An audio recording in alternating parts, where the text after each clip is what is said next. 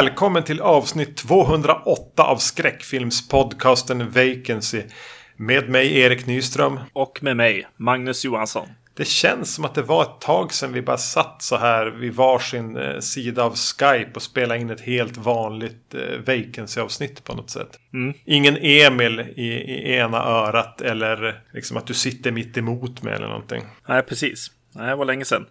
I somras så eh, synade du mig att du tyckte att jag favoriserade ett av de två lokala bryggerierna i stan. Ja, Jag hade tänkt eh, ljuga nu och säga att jag faktiskt dricker en Bryggarbackens Hop-On. Men det gör jag inte. Men jag drack den tidigare ikväll. Men jag vill ändå slå ett slag för den. Eh, de har en, alltså en IPA som heter, ja jag sa det just, Bryggarbackens Hop-On. Djävulskt god så IPA som går att dricka till mat. Den tar inte över. Eh, men, men det jag har hällt upp är någon så här, vad fan heter den? Radio the Mothership. Jag undrar om vi drack det i somras. En annan IPA. just. Och du svor till när, innan vi slog igång inspelningen. När du hällde upp någonting. Så jag antar att du har typ en Macallan eller någonting. Och att det blev lite för mycket. Precis, jag har en Glenn Grant Ja. som jag hällde upp lite för mycket av. En 10, 20. Nej.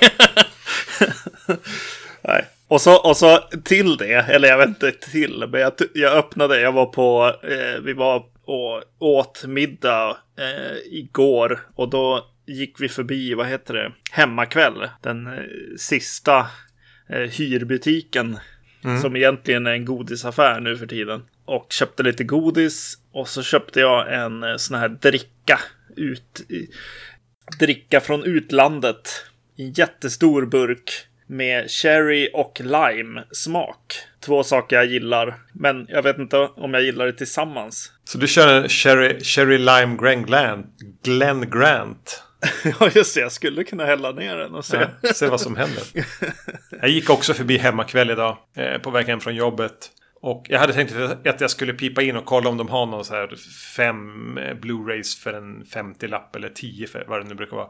Men det var stängt för ombyggnad. Oj. Men det måste ju betyda att de har tänkt vara kvar i alla fall. Så att jag kan fortsätta gå in där var femte vecka och ibland köpa typ The Florida Project på DVD för 5 Just det. kronor. Eller Kinderchoklad för att orka gå hela vägen hem.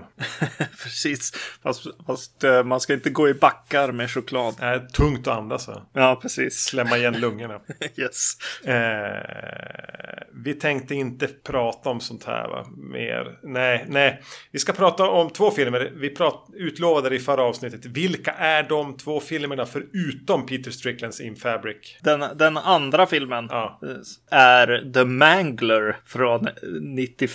Så ett tema här som är kopplat till eh, klädesplagg eller klädesplaggshantering. Precis. Men huvudnumret här ska vi väl inte göra något eh, det ska vi inte hymla om. Är ju Peter Stricklands In Fabric som vi har gått och peppat på och väntat på i, ja men måste vara över ett år. Jag tror det var förra sommaren vi började läsa om den. Mm. Den skulle komma. Jag hoppades verkligen på den på den här Monsters of Film-festivalen förra året, men den dök inte upp. Men då såg jag eh, The Field Guide to Evil istället. Ja. Som han ju också har gjort en, en sekvens i. Nu är det den som vägrar dyka upp. Alltså jag har haft den på min så här, eller jag tror att vi antingen uttalat eller inte uttalat har tänkt att den ska bli en sån här årsavslutande episodfilm. Precis. Men den kommer ju aldrig på något slags format där vi kan se den. Nej. Eh, hur som helst, Peter Strickland, vi har pratat om Barbarian Sound Studio som han gjorde. Och det var i, redan i avsnitt 31. Mm. Som vi väl tyckte ganska bra om då. Just det. Men däremellan har han ju gjort en film som hör till bland det vassaste som måste ha kommit alltså under 2010-talet egentligen måste jag nog ändå påstå. Eh, The Duke of Burgundy. Precis. Ja, det skriver jag definitivt under på. Eh, helt fantastisk. Eh, menar egentligen ett, ett kammarspel, ett relationsdrama med eh, både kinky över och undertoner och mycket funderingar kring makt i relationer och, och fjärilar. Va? Just det. Eh, och Ja. och eh, på, på något sätt i skruden som en, eh, en giallo från 72. Precis. Otroligt bra film som alla borde kastas över. Ja. Men nu alltså då eh, 2018 är väl det officiella året på In Fabric. Ja. Som kretsar kring en röd klänning. Och hur den påverkar de som köper eller har på sig den. Det förefaller nästan vara som att den här klänningen är eh, hemsökt. Mm, precis. Eh, den här filmen eh, är, såg jag bara i förtexterna, så är den vad det, producerad bland annat av eh, Ben Wheatley. Just det, också. just det, det hade jag ju tänkt ja, skriva ner, men jag tänkte att det här kommer jag ihåg. Men du ja. gjorde det åt mig. Ben Wheatley, nästan ett tag att jag klumpade ihop Peter Strickland och Ben Wheatley. Mm. För vi har pratat om, och det här måste vara en av de tio första avsnitten vi gjorde på podden, hans eh, kill, kill list. Ja. ja. Sen har ju han bara vräkt på filmer efter det. Och jag har tappat intresset någonstans. Alltså den här A Field in England. Ja. Skitbra. Mm. Men sen verkar han bara ha släppt loss för sin eh, fascination för actionfilmer. Eh, precis. Jag såg eh. den där som utspelas på 70-talet när de var inne och lagerlokal och bara ha en shootout på typ 50 minuter. Mm, precis. Och jag tyckte den var sådär. Ja, den är sådär, men den är, den är ändå okej okay, kan jag tycka. Bättre än annat i, i genren av lång shootout. Ja, ja, ja, ja. förmodligen. men ja. Men har du sett någonting mer? Alltså jag har sett då den, Killist och Field in England av Ben Wheatley. Har, har, du sett något mer? För han verkar göra komedier och actionkomedier och actionfilmer och fan Men jo, gjorde inte han eh, den här uh, om skyskrapan och gud vad hette den? Free Fire? Nej, det är, det är shootout-filmen. Okej. Okay. Jo, jag säger uh, High Rise. High Rise, ja. ja. Uh, den har jag också sett. Den, den eh, spårar ur eh, rejält. Eh, en, en, en, handlar om en, en high-rise som är ett lit, litet samhälle i sig som eh, faller sönder. Lite så här sci-fi, eh, dystopi. Eh, okej, okay, sådär, men ja, nej. Att tappa lite med, med budgetar och annat. Kanske. Man tänker ändå att Peter Strickland och Ben Wheatley, de borde vara ungefär jämngamla. några år äldre än oss. Kämpa på i, säkert i så här, stått och hållit eh, ljudbommar åt BBC i 15 år. Mm. Och eh, nu har de som breaka. Men det känns som att Wheatley är en sån där som mår lite för bra. Tyckte det är lite för skönt att gå på premiärer och hänga med Clive Owen eller någon. Just det. nu, nu, ja. nu, är det bara jag som går på magkänsla här. Medan Peter mm. Strickland mm. är lite, han gör inte lika, film lika ofta. Och det är betydligt knepigare filmer. Mm. Men framförallt är de ju betydligt bättre. Ja, verkligen. Ja, men du, och, eh, vi, vi hamnar någonstans i, bredvid filmen här. Ja. eh, vi presenteras för en, för en kvinna som eh, relativt nyseparerad lever tillsammans med sin i princip vuxna son. Jag skulle säga vuxna hemmaboende son. Och ett eh, halvmiserabelt jobb som eh, på en bank där hon mest bara sitter och svarar på frågor eller vad hon gör. I en ganska mm. stiliserad värld. Ja. På det här eh, Peter Strickland-sättet är ganska tidlöst. Det är sv ja. väldigt svårt att pinpointa exakt när den här delen utspelar sig. Precis. Tydligen, eller det visar sig, eller snarare kanske jag har tagit reda på i efterhand att det är 90, 90-talet som gäller här. Ja, ja, det uppfattar jag aldrig. Nej, nej, nej, det var svårt. Det är svårt att veta. Peter Strickland själv sa i någon intervju eller vad det var eh, att typ Eh, det, det förekommer flis, fliströjor eh, i filmen. Och det var typ det som kanske står ut mest som 90-tal kanske. Ja, jag hade en fleecetröja på 90-talet. Så. Eh, ja, precis. Och så sen så, så eh, får hon ju som reda på att eh, hennes eh, exman har hittat en, en ny kvinna. Mm. Och det sätter kanske fart lite grann på hennes datingliv.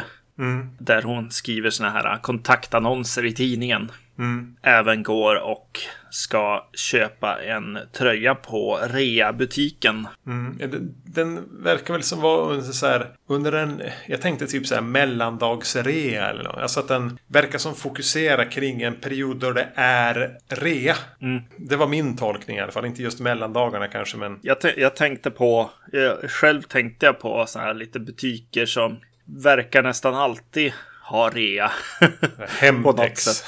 Som Hemtex, ja, till exempel. Att, att det var lite, lite det. Att, så här. Men din tolkning är nog mer korrekt i och med att eh, de gör mycket tv-reklam för den här rean som pågår också. Mm. Och det de tittar på på tvn, även om vi nu säger att den skulle utspelas på 90-talet så är ju reklamerna här ännu äldre va? Ja, precis. Jo. Och tv-apparaten också. Att det känns som också att man kastas tillbaks till typ en, ett 60-tal, kanske 70-tal. Men även eh, stänk av ett 80-tal. Jag, jag, tänkte på Mad Men. Att det här var någonting som de skulle ha pitchat. Alltså just de här konstiga psykedeliska reklamfilmerna var någonting som skulle ha passerat i, i periferin i Mad Men. Ja, det är ju det, det första som, som slår mig i alla fall i filmen. Förutom då de väldigt snygga förtexterna som, som är lagda på, på lite stillbilder från filmen. Ja. Ja, det är mycket trevliga förtexter i den här filmen. Sen att den här eh, rea-reklamen kommer in och tar över nästan. Eh, någonting som, som känns lite grann som en någon slags eh, brittiskt eller engelskt eh, drama, eh, familjedrama lite. Eh, att, att det fått liksom tränga in i vardagen eller i BBC-dramat. När tvn var det här centrala i nästan familjelivet under en period. Mm. Som alla samlades runt och reklamen blev ju Ja jävlar vilken impact den ska ha haft då. Mm. Uh, jag tyckte den var väldigt nice. Uh, den reklamfilmen som dyker upp i filmen. Och sen är det ju liksom en film som är till hälften liksom lite så här lynch eller, eller kanske för mig väldigt mycket Dario Argento mm. när han, när, Suspiria tänker man väldigt mycket på. Ja, det går inte att undvika. Nej, men då blandat med någonting som känns mycket mer brittiskt. Eh, det känns som att han är här hemma här, Peter Strickland på något sätt avhandlar någon slags brittiskhet.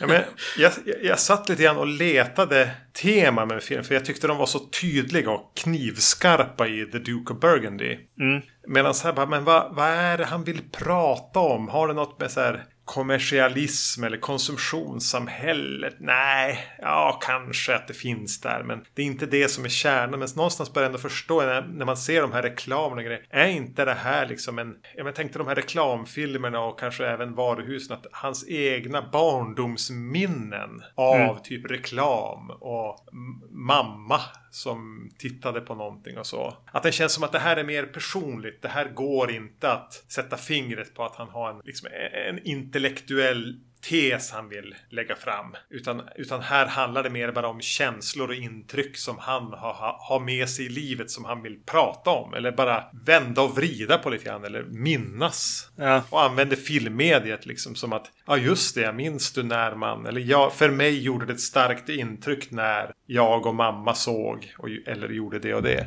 Att det kanske snarare är en sån film. Jo, eh, det är så, så jag känner också när jag, när jag ser eh, filmen. Och eh, just att han har fått ett sånt starkt intryck av, av den här klädbutiken där mamma går och handlar och det händer liksom konstiga saker som för ett barn kanske känns underliga. Alltså till exempel hur de hanterar pengar i den här. Mm. När, när de eh, tar betalt, sätter det i ett sånt här eh, rör i en liten cylinder och kör, kör iväg det med ett rör och så sen kommer växeln tillbaka. Det känns som en väldigt underlig sak. Och man ett stort mysterie egentligen mm. för, för någon som inte vet vad som händer på något sätt. Någonting åker iväg. Så väntar man en stund och så kommer det tillbaks växel vem eller vad fanns där på andra sidan liksom. Jag tänkte även på hur eh, den här eh, affärsbiträdet, hur hon pratar. För hon pratar ja. ju liksom i något, alltså det är som en parodi på så här säljpastischer som är extremt förhöjda och poetiska. Ja. På ett absurt och ja, jo, lite, inte haha roligt men sätt eh, är ju också lite grann hur ett barn skulle uppfatta hur vuxna pratar med varann om typ mode. Ja, precis. För jag förstår ingenting av vad hon säger. Men att det är så tillgjort att det blir lite skoj. Ja, precis. Mm. Och även hur de här affärsbiträdena ganska makeade, strama, eh, svartklädda. Det är de som kanske framförallt drar tankarna till liksom häxcirkeln i Suspiria. Ja, verkligen. Eh, alltså hon Gwendoline Christie eller någonting vad hon nu heter är ju alltså direkt plockad ur, alltså hon skulle ju kunna ha varit med i, och då tänker jag framförallt på originalversionen av Suspiria. Mm. Och att, att, att man som då skulle kunna ha fått en tanke, är de häxor? Vad är det där för kvinnor? De har så mycket smink. Ja, verkligen. Och eh, att det finns, eh, nej men, eh, och det är ju lite så här en småstad också av butiken på hörnet. Eller jag tänker lite grann på en del butiker som fanns i, i Skellefteå också. Eh, och kanske fortfarande finns. Gordons eller? Ja, Gordons. Ja, jag tror den är kvar. Ja. Jo. Ja, är en sån butik som bara från utsidan bara den är tidslös, alltså den har aldrig bytts liksom klänningarna i fönstret liksom. Det är samma liksom. Ja, logotypen är densamma och jag har fortfarande aldrig varit in där. Nej, inte jag heller. Eh, och ja, den är ju lite mystisk liksom. det kan definitivt vara en, ett pack häxor ja. som bo, bo, befinner sig där inne. Kanske så att vi borde gå in där någon gång va? Ja, jo. Om vi ens kan, kan två 40-åringar gå in där. Men alltså. Vi, vi börjar ju få, få gå in där ja, tror jag. Ja, just det. Vi kanske nu vi kan. Exakt. Vi har snart tillträde. Om det ens är en butik. Ja, precis. Jo. Nej, men det är lite sånt som han, han spelar på här. Och eh, alltså jag eh, måste väl kanske erkänna att jag fastnar ju för butiken Eh, mest som, som den här eh, Giallo, liksom, diggaren och Argento-diggaren liksom. Ja, men den är ju 70-talskitschig också. Ja, precis. Jo, ja, det, det är väldigt trevligt att vara, vara där eller liksom eh, mysläskigt liksom. För, för jag tänkte även på det här med en nästan så här fetischering av skyltdockor. Mm. Som kommer till, å, återkommer. Är ju också någonting jag tänker ett barn skulle kunna göra. Ja. Eh, och jag, återigen tänker jag en, en, ung Peter Strickland liksom fantisera om en skyltdocka. För det kommer ju en scen i den här filmen. Mycket märklig scen. Eh, med en könsbehårad kvinnlig skyltdocka som dessutom verkar som, som de här häxorna klär av. Och det verkar som att den här dessutom har mens. Och det står en äldre man som sen visar sig vara någon slags butiksinnehavare som står utanför skyltfönstret och onanerar till det här. Ja, en jättekonstig scen. Men jag tänker att härligt konstig scen ska man väl säga. Mm.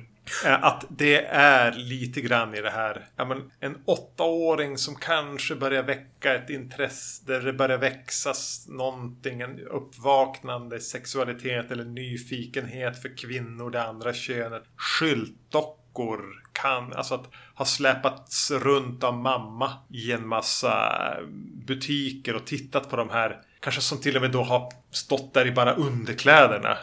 Att det på mm. något sätt är en, var på den här tiden en, en tidig introduktion till, den kvinn, till det kvinnliga, till något erotiskt som, som, som Strickland bara vill fundera kring här eller, eller jobba sig igenom. Mm, mm. Eh, då kan man ju kanske tillägga katalog Gerda tänker jag också. Mm. Att de också har en, har en, en liknande liksom, eh, signifikans i det. Ung, ung, unga pojkar som hittar vad de kan för att titta på kvinnor i underkläder eller... För det är ju den här biten som vi nu har pratat om som jag tror är det jag eh, tycker om mest. Mm. Jag lyckas inte bli så fruktansvärt engagerad i den här eh, kvinn, mamman som vi får träffa till en början. Och mm. hennes son och hennes sons flickvän. Nej. Det är någonting ja, men, lite pliktskyldigt över det. det. Det märks att Strickland är intresserad av andra saker här. Ja, exakt. Det, där känns det som att han... Ja, det känns som andra, del, eh, andra filmer nästan. Det känns väldigt så här klassiskt. Ett eh, familjedrama från England med lite så här, lite för trånga liksom. De är ofta filmade i de här faktiska lägenheterna och, och husen liksom som är lite för trånga. Ja. Mycket trappor. Ja, exakt. Och eh, det känns ju så också. Det känns som, jag, jag, vet inte, det känns inte riktigt som han har eh, fokus där ja, helt enkelt. Jo, och det har han ju inte heller, för han lämnar ju de här karaktärerna. Mm. Jag blev lite förvånad över det. Jag hade inte så mycket koll på storyn att ungefär halvvägs så mm. byter vi ju Alltså klänningen här, den eh, besatta klänningen byter mm. ägare. Jag, jag, jag, måste säga att det blev en liten... Jag var inte beredd på det. Nej. Jag trodde vi skulle Nej. få följa den här kvinnan genom något slags... Att det var hennes karaktärs eh, character arc som skulle på något sätt bli viktig. Eh, mm. Men när man väl vet att vi kommer att röra oss vidare kanske man har lättare att acceptera att man inte ska involvera sig så mycket i henne. Nej. Och på något sätt så hade jag faktiskt lättare att involvera mig i den efterföljande historien med det här paret som ska gifta sig. Mm. Jag gillade både han och hans fästmö bättre än den här rätt trista kvinnan. Ja, precis. Eh, jag tror att ett, ett av problemen i, i den här första eh, familje, liksom, som vi får följa lite grann, det är, eh, jag tror att du har blandat ihop folk här. Gwendolyn Christie är hon som är eh, flickvännen här. Är det? Jag trodde, Ja, precis. Jag trodde det var hon som var eh, lead, lead eh, butiksbiträde. Nej, precis. Nej, det är en från The Duke of Burgundy, va? En av... Jaha, ja för hon tyckte jag om. Eh, Ja, Flickvännen precis. var jag inte så intresserad av. Nej, precis. Eh, och det, det är ett problem för mig i den, i, i den historien. Är, är den här flickvännen som har en roll som är att vara större än, än livet lite grann. För hon ska ju som spela vad mamman känner för henne. Känns det som. I, I alla fall att hon är skriven så. Men eh, Gwendolyn Christie här är för snäll. Ut, alltså hon har för snäll utstrålning för mig. Ja, Jag tyckte hon var ganska, alltså eh, förmodligen det svagaste kortet. Ja, jo, det, det är hon då. Visst är ja, hon med i, i, i visst, visst är det Captain Phasma? Ja, precis, just det. Och så är hon ju med i Game of Thrones. ja, som- ja. Som ändå ingen har sett. Nej, precis, exakt. Nej, hon, hon, hon har lite problem här. Man, man vill ha en, en mer av en eh, Patricia Arquette, liksom, karaktär Ja. här. Eh, och, och får inte riktigt det. Jag refererar till Lost Highway, tror jag här mest, eh, i Patricia Arquette. Det gör man väl alltid. Ja, jo. jo, precis. Det är, det är hon, ja. Eh, så så det, det blir lite jobbigt att det inte lyckas där. Om, om hon hade satt eh, och funkat eh, så hade många av de scenerna också funkat. Alltså när, när hon möter henne i dusch, alltså i, vid toaletten eh, och eh, hon pratar om sex med sonen och sådär. En situation som ska bli, som ska vara ganska jobbig liksom. Ja. Men det blir ganska soft ändå. och samma sak vid, vid ett, ett tillfälle där de spelar schack eller vad de gör. De spelar något sällskapsspel. Fia med knuff för guds skull. Ja, det är det ja.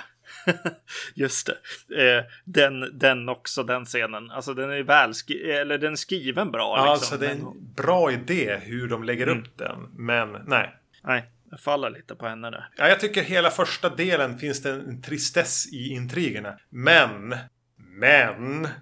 Noterade du vem som spelade Zack? Alltså mannen hon faktiskt faller för. Just det. B- Barry Adamson Ja. dyker upp. Kanske, ja men basist i The Bad Seeds. Eh, och vi har pratat om hans eh, skiva.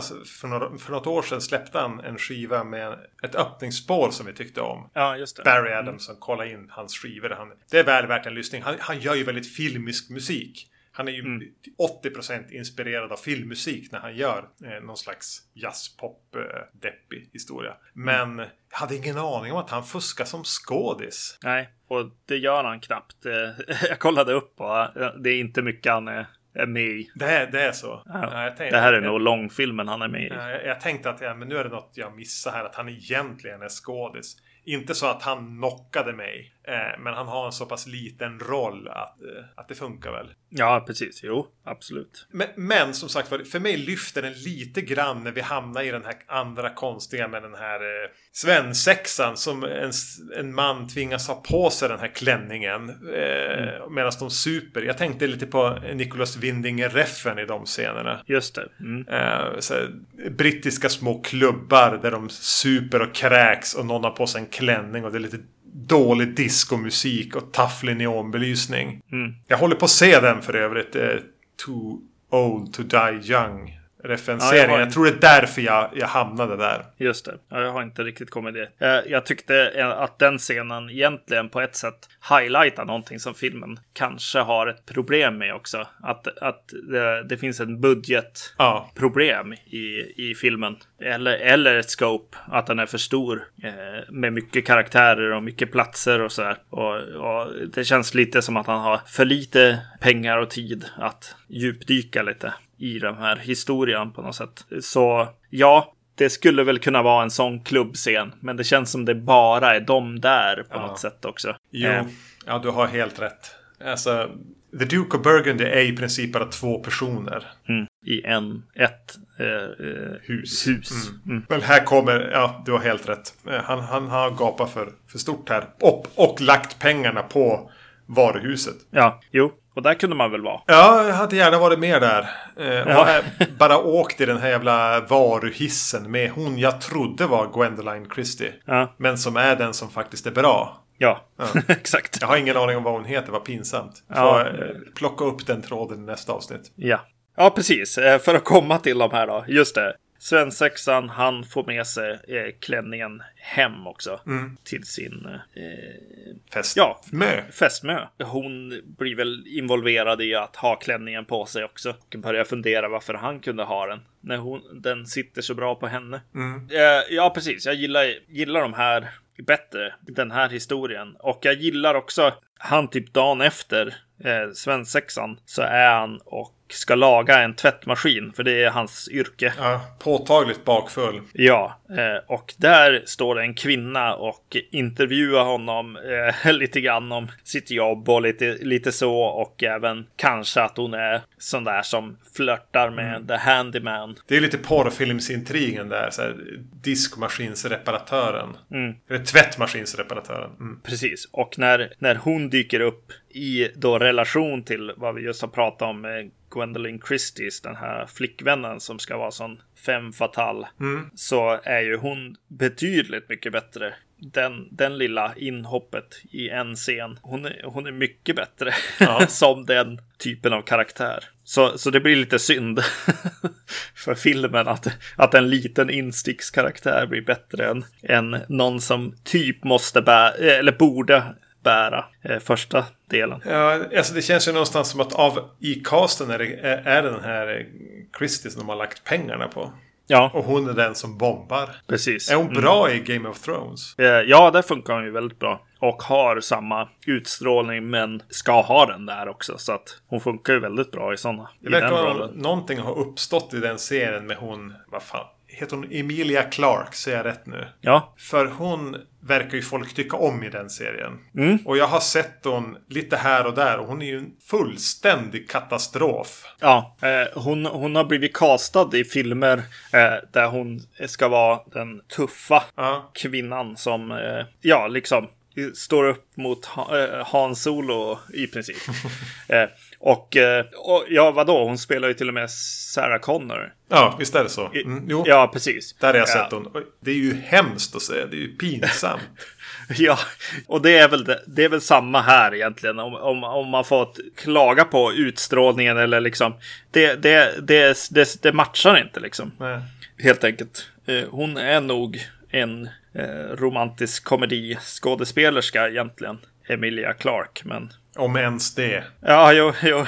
Nu är du snäll med hon. Nej, vi ska inte hålla på och racka ner på henne i onödan. Hon är inte ens med i den här filmen. Vad fan. Nej, nej. Tillbaks till In Fabric. Mm. Har du tänkt på hur lite vi har pratat om klänningen och spökhistorien? Ja. Har du eh, tänkt på hur ointresserad Peter Strickland är av den också? Ja, precis. Han döper filmen efter den och, och liksom eh, omslaget och liksom... Eh, Pitchen är ju liksom, den också. Ja, precis. Pitchen är verkligen den. Den mö- mördande klänningen i princip. Ja. Men eh, ja, den får ju inte så mycket utrymme och eh, är inte så, så intressant egentligen. Igår eh, morse så skulle jag plocka ut någonting ur min garderob medan min dotter var här och jag drog efter några galgar och hon satt och gjorde något annat. Och gjorde det här ljudet som kommer från den stängda garderoben där klänningen typ åker runt. Alltså när en galge glider mot en stålgrej. Och hon vände sig om och bara Pappa det där var ett jätteläskigt ljud. Ja, Med filmen färsk. Ja, ja, ja kanske är det så. jo. Kanske är det det som är lite läskigt men den säljer ju inte in det heller. Tänk att någonting rör sig inne i din garderob. Eh, men det blev läskigare när hon sa, min dotter sa det till mig där och då. Än vad det blev i den här filmen när de försöker lite halvhjärtat pitcha det som en läskig sak. Mm. Att, att klänningen liksom svävar över eh, sovande människors sängar kan jag tycka är, är lite balt. Men det känns också lite grann som att det är lite halvgjort också. Eller jag vet inte. Jag, jag tänker lite på The Babadook och alltså Ja. det, det, det, de, de scenerna har lite mer med sådana filmer. Eller vad heter den då? Eh, eh, under skuggan, vad heter den? Ja, jag vet vad du menar. Jo, Under skuggan Ja. på svenska. Den iranska filmen. Mm. Tänkte lite, lite på modern skräck på det viset liksom. Lite grann, men Jo, jo, när de sover och den hänger där som en an osalig ande. Men så fort den faller, eh, vilket den gör vid något tillfälle, ner på dem. Då blir det den nakna pistolen när de kastar en kudde på någon. När han kastar en kudde på Leslie Nielsen. Han får ta i den och trycker den över sitt eget ansikte och skriker och stapplar bakåt. Alltså Ja. det blir mer den sekvensen. Och kanske är det meningen. För den här försöker sig ju på humor. Och jag tycker den landar... Det är inte så att jag sitter och skrattar åt In Fabric. nej. Men den har ju en, en absurd humor medvetet invävd, no pun intended, i sig. Mm. Ehm, som jag väl är... eh, Alltså jag ska inte säga att jag är kall till den, men den gjorde inget för mig. Och jag tror att de här, bara tanken på att en klänning kastar sig över dig och du kastar ner den på golvet och så var det problemet överstökat. Eh, det finns där lite grann. Alltså det absurda är att den på något sätt skulle kunna utgöra ett hot. Annat än Ja. den är på din kropp. Jo, alltså jag hade nog byggt upp, upp det, någon, någon förväntan där på lite body horror och, Jo. och liksom eh, att det skulle vara lite av ett eh, så här skal som, som blir huden och så försöker man dra av den och lite sådana grejer var det som jag hade eh, sett framför mig lite. Vad jag skulle få ute, ute efter trailers eller någonting. Jag Ja. vet inte riktigt. Det är mer något så här sår i trailers och så. Mm. Ja, men det är det ju inte riktigt, utan det är mer än ett spöke och eh, som kan influera lite grann vad som sker. Nej, men alltså det känns som att det är väldigt mycket, ja, som du säger, lite så här. Peter Strickland ser tillbaks lite grann på ungdomen och eh, ungdomens dagar och det, det är kanske därför han byter personer här. Till sig själv då. Ja, lite grann. Eh, förmodligen. Eh, någon slags, ja, men man tar väl de jobb man, man får som ung sådär och försöker hålla uppe en, en relation och kanske bor hos sin flickväns föräldrar och sådär. Lite apatiskt sådär. Vi har ju varit ihop 14 år. Vi ska väl gifta oss. Ja, Ja, precis. livet är så här. Det bara kommer. Precis. De pratar om eh, det här bröllopet också eh, i, i en eh, sexscen där Barb, hans tjej, går igenom många av gästerna medan, medan de har sex och pratar om hur, var, vem ska sitta där vart eller hur, hur det nu var.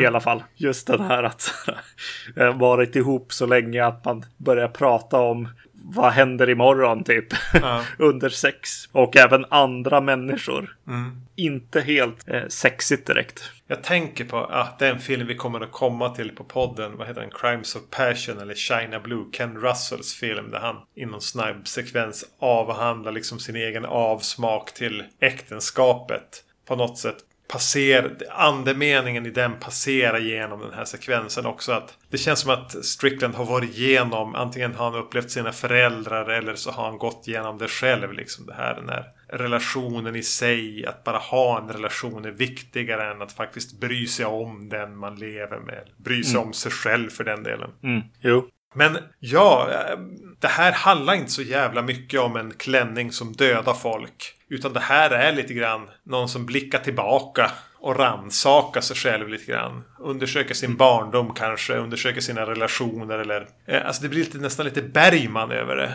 Ja. Ja, nu har jag gått och grubblat på den här perioden i mitt liv. Eller den här relationen jag hade.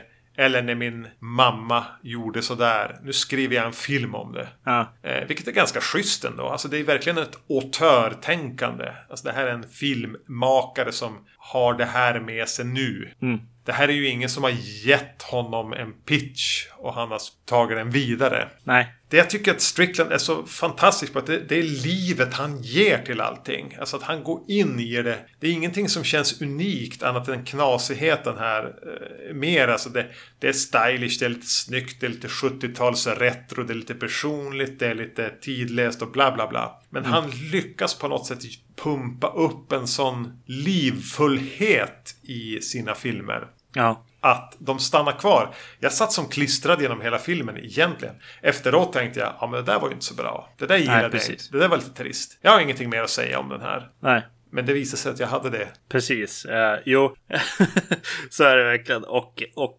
just eh, även sådana här eh, lite halvtråkiga scener så här, faktiskt kommer upp för mig. Eh, och jag tänker på dem. Jag tänker eh, väldigt mycket på den här Reg som dyker upp. Han som Han som ska gifta sig. Mm. Ja, och fixar trasiga tvättmaskiner. Eh, kommer en sekvens där han work-life suicide på något sätt genom att inte bjuda chefen Ja. till, till svensexan. Som då senare kommer tillbaka då- han bryter mot sitt kontrakt. Han lagar sin egen tvättmaskin. Exakt. Och då måste man ju göra det på the books liksom. Ja. Och det här, det här var så, så tydligt en grej som händer i branschen jag är i, i tv-spelsbranschen. Eh, där man ofta som anställd skriver på en massa, eh, något kontrakt om att man inte får utöva sin craft utanför jobbet så att säga. Så är du en 3D-grafiker så får du inte göra 3D-grafik till eh, någon annan. Eh, vilket i princip säger du får inte ha hobbyprojekt eller du får inte utvecklas eh, själv eller, eller liksom göra något, något du tycker är kul på fritiden. Nej. I och med att du jobbar med någonting som, som ofta är en, en passion liksom. Eh, En konst för dig själv också. Så det, det, det, det påminner väldigt mycket om, om eh, sådana scenarion Ja. där, där folk får i princip lämna sina jobb för att få göra eh, något kul på fritiden. Det är liksom bekymren med att involvera kapitalet i sin passion. Ja, precis. En otrevlig sak som vi inte borde hålla på med i branschen helt enkelt. Nej. Ja, jag tycker som du. Alltså, det, det, man sugs med och det, ko, det kommer precis vid rätt tidpunkt ett, ett litet snyggt collage med gamla foton från ute på gatan som vidgar eh, filmen och även skakar loss lite av den här eh, lite eh, familjedrama, brittiska sådana, som är lite för trångt för sitt eget bästa. Ja, nej, jag, jag var också eh, fast under, under titeln och tänker på den efter, i efterhand. Och det är inte hans bästa film. Nej. Eh, Det kanske är hans tredje bästa. Av de, tre, av de jag sett, ska tilläggas. ja, precis. Mm, Kanske. eh, Definitivt är ju Duke of Burgundy. Den är ju fan ett mästerverk. ja, Bättre. Eh, möjligt att eh, Barbarian är det också. jag tror nog det. Men den, men den är ju definitivt... Ja, men den är ju enligt eh, 2019 måttstocken den är ju betydligt bättre än Midsommar. ja, ja. Men är The Mangler bättre än Midsommar? Ja, det kan man fråga sig. Ja. Här har vi då en Stephen King-rulle igen. Ja. Och eh, av Toby Hooper. ja. Blev en del King i år alltså. Ja, Oj, precis. Inte medvetet från min sida. Just det. Våran Stephen King-kämpe. Ja. Och på, när vi ändå pratar om Stephen King och eh, 90-talsrullar här så ska jag slå, slå ett slag för eh, The Beyond, nej, From Beyond heter de. From Beyond-podcasten. Som eh, nyligen har gjort ett avsnitt, eh, avsnitt 123, där de går igenom några eh, King-filmatiseringar. Graveyard Shift, The Mangler, Thinner, The Night Flyer och Dreamcatcher. Pratar de om. Jag har inte lyssnat på det men det är ju unsung heroes. Jag har sett Thinner och, och The Mangler och Graveyard Shift tror jag. Just det. Det är en stor Thinner har jag råtta i sett. källaren också. Ja. Thinner har jag sett eh, i år faktiskt. Det finns på Amazon Prime vet jag. Det har Emil från Twitter de snackar upplyst mig om. Ja, okej. Men var har du sett den i år? Eh, Jag har sett det med skräckfilmsgänget jag hänger med ibland. Vad kul om du hade Jag har sett den med typ så här Viktväktaren. Precis. Mm. Ja. The Mangler hoppar vi in i. Ja, Tobe Hooper regisserade. Det här är ju en novell. um, Mm. Som jag tänker att jag, jag valde att läsa om den då efter jag hade sett filmen. Jag har läst den tidigare. Jag läste om den nu. Så dedikerad är jag att jag valde att läsa 30 sidor för, för er, kära lyssnare. Eh, frågan är vad som tog längre tid, att läsa novellen eller att lyssna på From Beyonds eh, avsnitt. Mm. Det var kul att läsa om den. Det var Ja. säkert kul att lyssna på avsnittet också. Eh, en mangel på ett tvätteri verkar bli besatt av eh, en ond kraft och drar in folk och krossar dem mellan sina valsar. Tvätteriet ägs av Robert Englund. Mm. eh, Som, klampar runt i stödskenor och kryckor. Eh, Vi har sett den här förr. Ja, För jag har haft i huvudet en minnesbild av att vad fan är det för film där vi sa där, eller där jag sa om en karaktär att åh, det där är ju sångaren i My Dying Bride. Ja just det. Om en brittisk långhårig skäggig kille som klampar runt i en svart rock. Mm. Och att han vid ett tillfälle tar i en så här eh, grej, portklapp eller vad det är och säger Oh, Gothic. Och så skrattar vi åt det. Så vi såg väl den här 97 när vi lyssnade på My Dying Bride. Ja. Vilket håller The Angel and the Dark River skivan håller hyfsat fortfarande. Ja. Ehm, ja. Ehm, Ja, precis. ja, jag bara stannar av där mitt i allting. Ja, det är bra. Eh, det som eh, den här filmen börjar öppnar ju med, med en eh, scen där någon gör illa sig. En av de som jobbar där på, på vadå? Tvätteriet? Vi kallar det tvätteriet. Alltså de tvättar och, och det är ånga och de manglar och de... Blue Ribbon Laundry heter de ju. Ja. Eh, så ja, de, eh, de tvättar där. Och eh, en kvinna där skär sig i på mangeln och börjar blöd, blöda på, på mangeln och får även ett kylskåp på sig i olyckan. Som, Som någon råkar bära igenom det här ångiga, svettiga, stora tvätteriet. Ja. Ja, eh, och eh, den här isboxen eller vad det heter på engelska eh, ramlar som in och får en liten stöt av mangeln här. Och Robert Englund springer, springer runt eller stapplar runt där ovanför.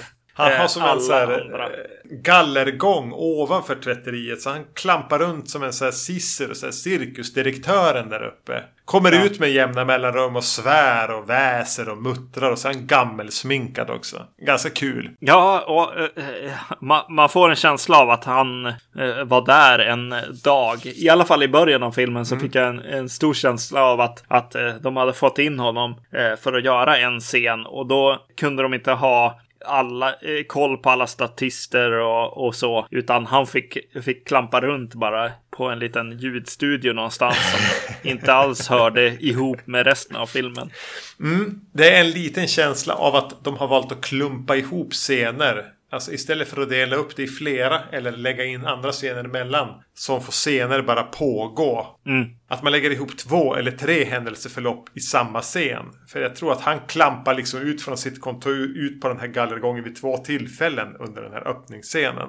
Just Först när hon skär sig och lite senare, kanske när i samband med den här eh, frysboxen eller vad fan är det Men framförallt den här kvinnan sen blir liksom indragen i mangeln. Ja. Och jag tror du har helt rätt. Det här, hur, hur många timmar har vi Robert Englund? Ja. Och vad är det med Robert Englund och så här eh, one-liners? Alltså går han bara in och bara skriver om allting? Eller eh, skriver man en film där man ska ha Robert Englund med så här? Där han bara går omkring och muttrar Life's a bitch, then you die.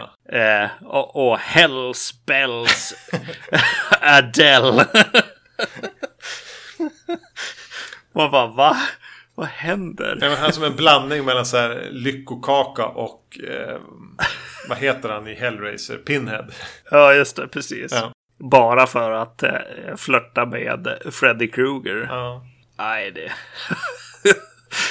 Ska jag skala tillbaks det här till novellen. Mm. Så eh, Robert Englunds karaktär existerar ju inte i novellen. Utan där Mm. är fokus, jag- jag tror idén är att en serie olyckliga omständigheter, det vill säga att en rad olika substanser hamnar i ett vardagligt ting, vilket gör att det blir besatt av en demonisk kraft. Och, och Ja. den storyn finns ju här. Och de två karaktärerna nu, My Dying Bride-sångaren och han från eh, När lammen tystnar. Officer Asshole Ja.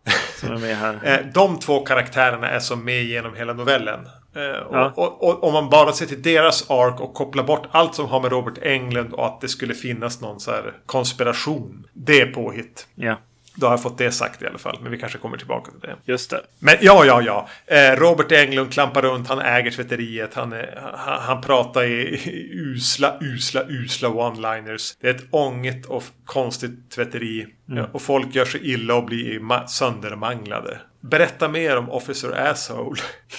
Precis. Eh, En riktig bakissnut. Alltså, Eh, han Som- har aldrig varit något annat än bakis i hela sitt liv. Nej. Som eh, dyker upp i filmen och eh, förgyller den. Kan jag nog tycka ändå. Alltså det är Ted Levine då. Som spelar Ja. mördaren i, i När lammen tystnar. Och du hade synpunkter på honom då. Jag, vi har ju pratat om den i några avsnitt sen. Ja, just det. För typ drygt ett år sedan. Vad sa jag då? Jag tror du tyckte att han spelade över. Medan Ja, jag ja. var med bara, ja men jag kan acceptera den här killen. Ja. Om man ska använda den här som något slags i en bevisföring. Ja. Att, att då lägga upp The Mangler. Så har ju du helt rätt. Ja. Eh, för alltså han spelar över och han är väldigt trubbig i sitt överspel. Mm. Men det är ju ganska roligt. Eh, ja, jag tycker att det finns eh, någon charm i det hela. Han är ju Eh, som en och- animerad karaktär. Jo, verkligen. Och han, han får ju vara det också. Det blir ju serietidning helt klart här. Eh, genom hela filmen. Det är väl Ja. Toby Hooper. Han smågillade väl det lite grann. Texas Chainsaw Massacre 2 till exempel. Ja, När det blir lite, lite större än livet på något sätt. Ja, han spel, spelar in i det och får även göra massa, massa grejer i filmen som, som, ja det eskalerar helt enkelt när han börjar eh, slåss mot, eh, mot en, eh, vad heter det, possessed eh, is, ismaskinen här, eller en frys tror jag du letar efter. Ordet du letar efter. Ja, Eller frysen. Ja. han, han börjar slå, slåss mot den med en slägga. Parentes där, alltså hela sekvensen med det här med kylskåpet finns också med i, i eh, novellen. Som en karaktär berättar för, för Officer Asshole-karaktären att bara, jo men jag har varit med om en annan sån här konstig händelse. Och då var det ett kylskåp där någons hund hade dött och helt plötsligt så dog grannsonen. Och när vi sen skulle fara dit och ta bort dörren då låg det fyra döda fåglar i. Alltså som här att jo men det kanske är så att meningslösa hushållsapparater eller meningslösa ting kan bli onda. Alltså Ja. det, är en så här, det är några meningar om den. Men det väljer de att liksom väva in här så att han måste gå loss på det med en slägga. Mm. Det kanske är det, det, det lilla eh, St- Stephen King kommer med här i, i filmen som ändå eh, står ut på något sätt. Ja. För jag tyckte att de här fåglarna var e- effektivt ändå. Alltså just att, att en, någons son, i- son i grannskapet hade, hade dött i det här eh, kylskåpet, frysen. Eh, och de har just burit bort eh, pojken. Ja. Och så sen öppnar de det och så ligger det döda fåglar där i. Eh, jag tyckte att det var ganska effektivt. Eh, om jag ska säga positiva saker om den här filmen så tyckte jag nog att just den eh, lilla touchen var kre- kreativ. På något sätt tänker jag att, att det här är en film som har bidragit till din ganska negativa inställning till Stephen King. Att du har Ja. sett den här filmen och tänkt ja, Stephen King är ju en jävla idiot. Och det här skämtet i, vad fan är det, The Fast Show med The Vacuum Ja, är ju jätteroligt. Och jag bara, eh, jag tycker inte det är så kul. För jag har läst, jag har inte bara sett. exakt. Att ja, alltså om man tänker att, att det här är liksom det bästa Stephen King kan åstadkomma och det här är en, en iscensättning av det. Mm. För det här är ju skräp, men det är ganska Ja. kul skräp. Ja, det är klart att som fa- fan att man tänker att Stephen King är alltså Days of Our Lives skräck. Ja, Men, men, men ja, det blir en orättvis bild. Men det här... Jag tänker att du är igenom det här efter Cujo ändå. Att nu har du förstått. ja, ja precis. Jo. Ja. Eh, Jag behöver inte tvinga dig igenom King-filmatiseringar. Det jag pratar om, om, om boken och du pratar om filmen. Och jag försöker förklara. Jo men det bra med den är ju liksom den inre monologen i alla karaktärer. Ja. Vi, vi, är förbi det. Och kan bara ägna oss åt den här jävla sörjan. Mm. Som är rätt kul. Eh, det, det den har också som är rätt eh, kul. Det är ju att den är eh, roligt slafsig också. Ah. Med väldigt blod. Men det är ett fokus på lidande och smärta och blod. Alltså, eh, alltså ja. det är inte överdrivna mängder blod. Men det är ett fokus på lidande här. Mm. Alltså någon som bara står och skriker lite för länge när armen är fast i mangeln. Ja. Eh, och sen folk som lider av att titta på resultatet av någon som har dragits genom mangeln. Ja. Och folk som är ledsna över att deras anhöriga har dragits genom mangeln. Mm. Och folk som är ledsna över att deras lilla pojke har blivit instängd i det här kylskåpet. Det är som ett så här sorg, blod, död fokus som är lite så här, har fått lite sprutor med adrenalin eller någonting här. Eh, och skrik, skrik, skrik ja. också. Eh, mycket det är regin Toby Hooper har stått för. Skrik och så skrik dina eh, lines och skrik din sorg och ångest. Ja. och skräck. Så kanske vi kommer oss igenom det här. Jag fastnade ändå lite grann den här halvslöa bromance mellan Officer Asshole och My Dying Bride-sången. Mm, som eh, precis. deras första kväll tillsammans. Som är efter att han har varit då vid där en kvinna har dragits genom mangel och det är fruktansvärt. Mm. Så sitter de inne på någon bakgård och dricker öl och äter. Och så börjar de prata. Och så pratar de lite mer och så åker de till ett ställe. Den här kvällen tar aldrig slut. Nej. De får verkligen bromansa. Så att de till och med måste äta en gång till under samma kväll. Ja. Det är ganska mysigt häng de har där. Man blir lite ja. avundsjuk på det. Mm. Och även för att spinna vidare på den här märkliga bromances i den här filmen så har ju då Officer Asshole eh, någon slags eh, relation till den här eh, fotografen. Ja. Där någonting märkligt pågår. Det här är ju, det här är ju någon som har skrivit den, den karaktären finns inte med i någon, någon novell. Nej. Utan det är en så här, är han reporter eller är han, jo, ja, han fotar. Han, han, han är brottsplatsfotograf. Ja, det tror jag han är. Vilket är en uppenbart yngre skådis i gammelsmink. Vilket bitvis får han att se lite ut som Freddy Krueger. Ja, precis. Jo. Och han är där ganska ofta dyker han upp och man förstår att de har en relation. Och den här karaktären, spoiler spoiler, ingen bryr sig, dör ju sen. Och får en så här lång blodhostande, återigen fokus på lidande dödssekvens. Ja. Eh, och förmedlar viss information. Ja. Skådisen som spelar den här gammelsminkade brottsplatsfotografen är samma skådis som spelar obducenten som de hänger med nere i det här mortuary, är det bårhus mm. eller obducenteri som är typ 200 våningar ner. Ja. Varför har de valt att kasta samma skådis i två roller där ingen av rollerna egentligen spelar någon som helst roll för storyn? Nej, och, och, och flörten mellan att det är samma person som jag vänt på, väntade lite på, eh, den kommer inte riktigt heller. Nej. För man har ju ingen som helst aning om man inte liksom Nej, det här är ju koll, IMDB, IMDB-kunskap.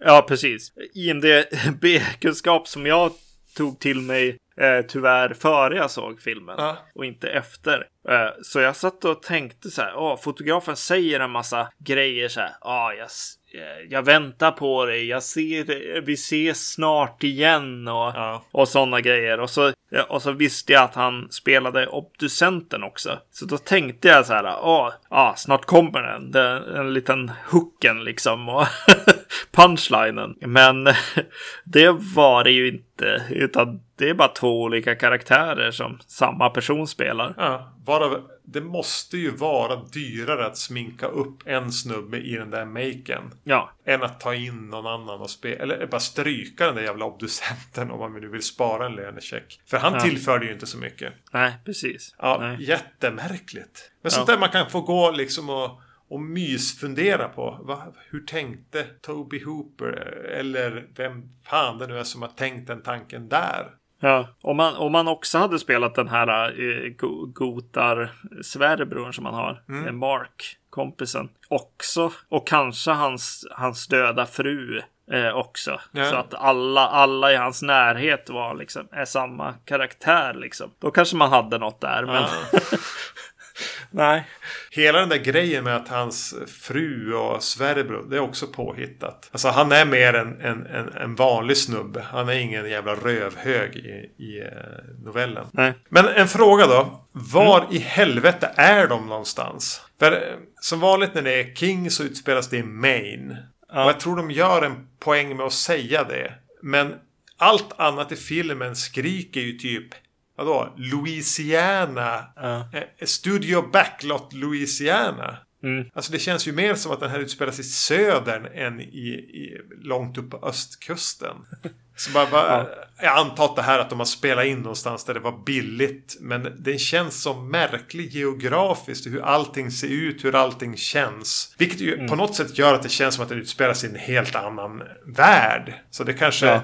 Återigen tänker att att det är budgeten som ofrivilligt har gett filmen en liten skjuts i vad som eventuellt är rätt, rätt, rätt riktning. Ja, precis. Jo, jag tänker lite grann att Toby Hooper det kanske är att jag tänker på Texas Chainsaw Massacre 2 igen och, och har den väldigt långt bak i minnet. Men får, får en känsla av att den också hade någon slags liksom, världsbygge ja. av, av en plats som inte finns liksom lite grann. En värld som inte finns. Som får mig att tänka att Toby Hooper gillar det här också. Ja. Att bygga liksom The Mark, den här gotharen, bor ju i någon slags Dario Argento ljussatt liksom bakgård där också. Ja. Så får, får en väldigt konstig färgglad känsla där. Helt plötsligt.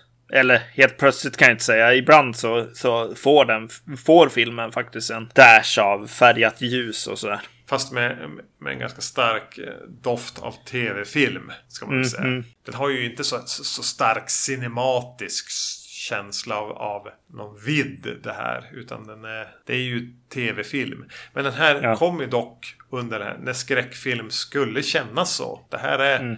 någonstans mellan, mellan efter Elm Streets eh, storhetstid och före Scream. Ja, jag, jag måste bara eh, pinpointa en grej som du tar upp här med main-känslan eh, i, i just From Beyonds avsnitt här. Ja. Som jag eh, nämnde.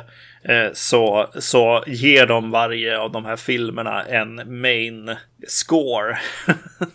så det var lite roligt. Det måste ha varit lågt på en main score här. Just det. Eller? Ja, jag, jag minns tyvärr inte, Nej. men.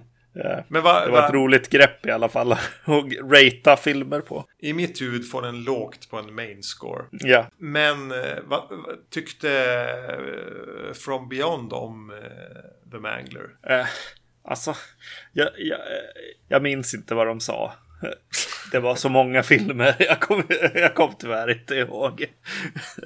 Men, men eh, de, eh, det som jag minns var i alla fall att de eh, har ju den här tiden som barndomsminnena mycket mer än vad vi kanske har. Ja, just det, de är yngre än oss. Precis, så att det fanns, fanns en, en starkare liksom nostalgi till de här filmerna mm. än vad vi har. Ja, nej, den betyder ju ingenting för mig, men det var ganska kul att se om den. Och eh, jag säger lite grann det jag sa ganska tidigt, att det här är ju skräp, men jag har ganska kul kul när jag ser det. Den hade kunnat tjäna på att vara 15 minuter kortare. Man hade kunnat klippa ner det här. Men mm. jag har inga problem med att se den här filmen. Och det säger väl kanske mer om mig än om filmen. Jag vet inte. Uh, ja, jag hade, jag hade störst problem med att se den här filmen när Robert Englund var med. Ja. Jag tycker att det är svagaste i filmen egentligen. Uh, hans överspel och stapplande runt där och Ja, den, ta den tappar väldigt mycket cool så här bakis-snut-känsla. Eh, vad tänker jag på? End of days-känslan eh, lite grann.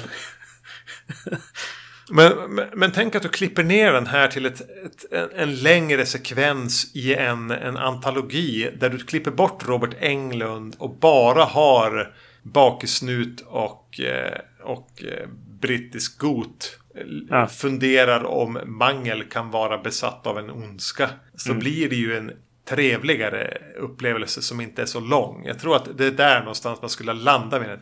Det är ju en kort liten berättelse. Det finns inte utrymme att pumpa upp det här utan Nej. att slänga in dåliga idéer som Robert Englund. Precis. Ja, så är det ju. Jag tänkte att jag köpte den här DVDn på Myrorna eller vad det nu var för second hand för några år sedan. För jag tänkte att antingen vill jag se den för att det var länge sedan eller så kanske det här är någonting vi, vi kommer att landa i på podden och sen var det du som föreslog The Mangler. Men jag har inget intresse av att ha kvar den i alla fall. Så om du kära lyssnare vill ha ett eh, exemplar av eh, The Mangler på DVD, sprucket omslag. Det är inte jag som haft sönder den, var så när jag köpte den för 10 kronor. Hör av dig, skicka ett meddelande på Facebook eller ett mail på podcast at vacancy.se så skickar jag den gladeligen till dig om du vill se The Mangler, om du vill ha ett sprucket DVD-exemplar av den i hyllan. Varsågod. Den är ändå någonstans lite värd att se. Yes. Nej, kul. Eh, kul avsnitt. Eh, det var lite roligt att, att The Mangler dök upp i huvudet ändå. ja, ja. Som, som komplement till uh, In Fabric här. Ja, det var jättekul att prata om båda filmerna. Mm. Ska vi ha ännu roligare nästa gång när vi, när vi pratar om Richard Stanley?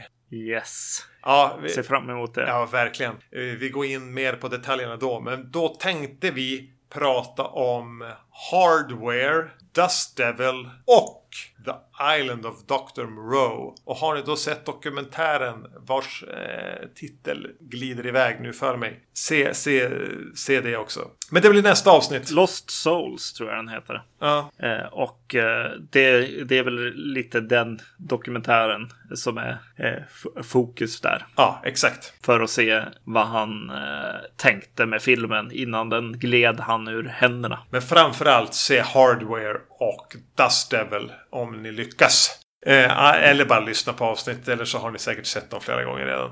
Jag är sjukt peppad på att se om de två första filmerna. Eh, och prata om det här. Så det blir nästa avsnitt på, på eh, Vacancy. Så ha så skoj till dess. Ha det bra. Hej. Hej. I was living in a devil town Didn't know it was a devil town. Oh Lord, it really brings me down about the devil town. And all my friends were vampires. Didn't know they were vampires. Turns out I was a vampire myself in the devil town. I was living in a devil town. Didn't know it was a devil town. Oh Lord, it really brings me down about the devil town.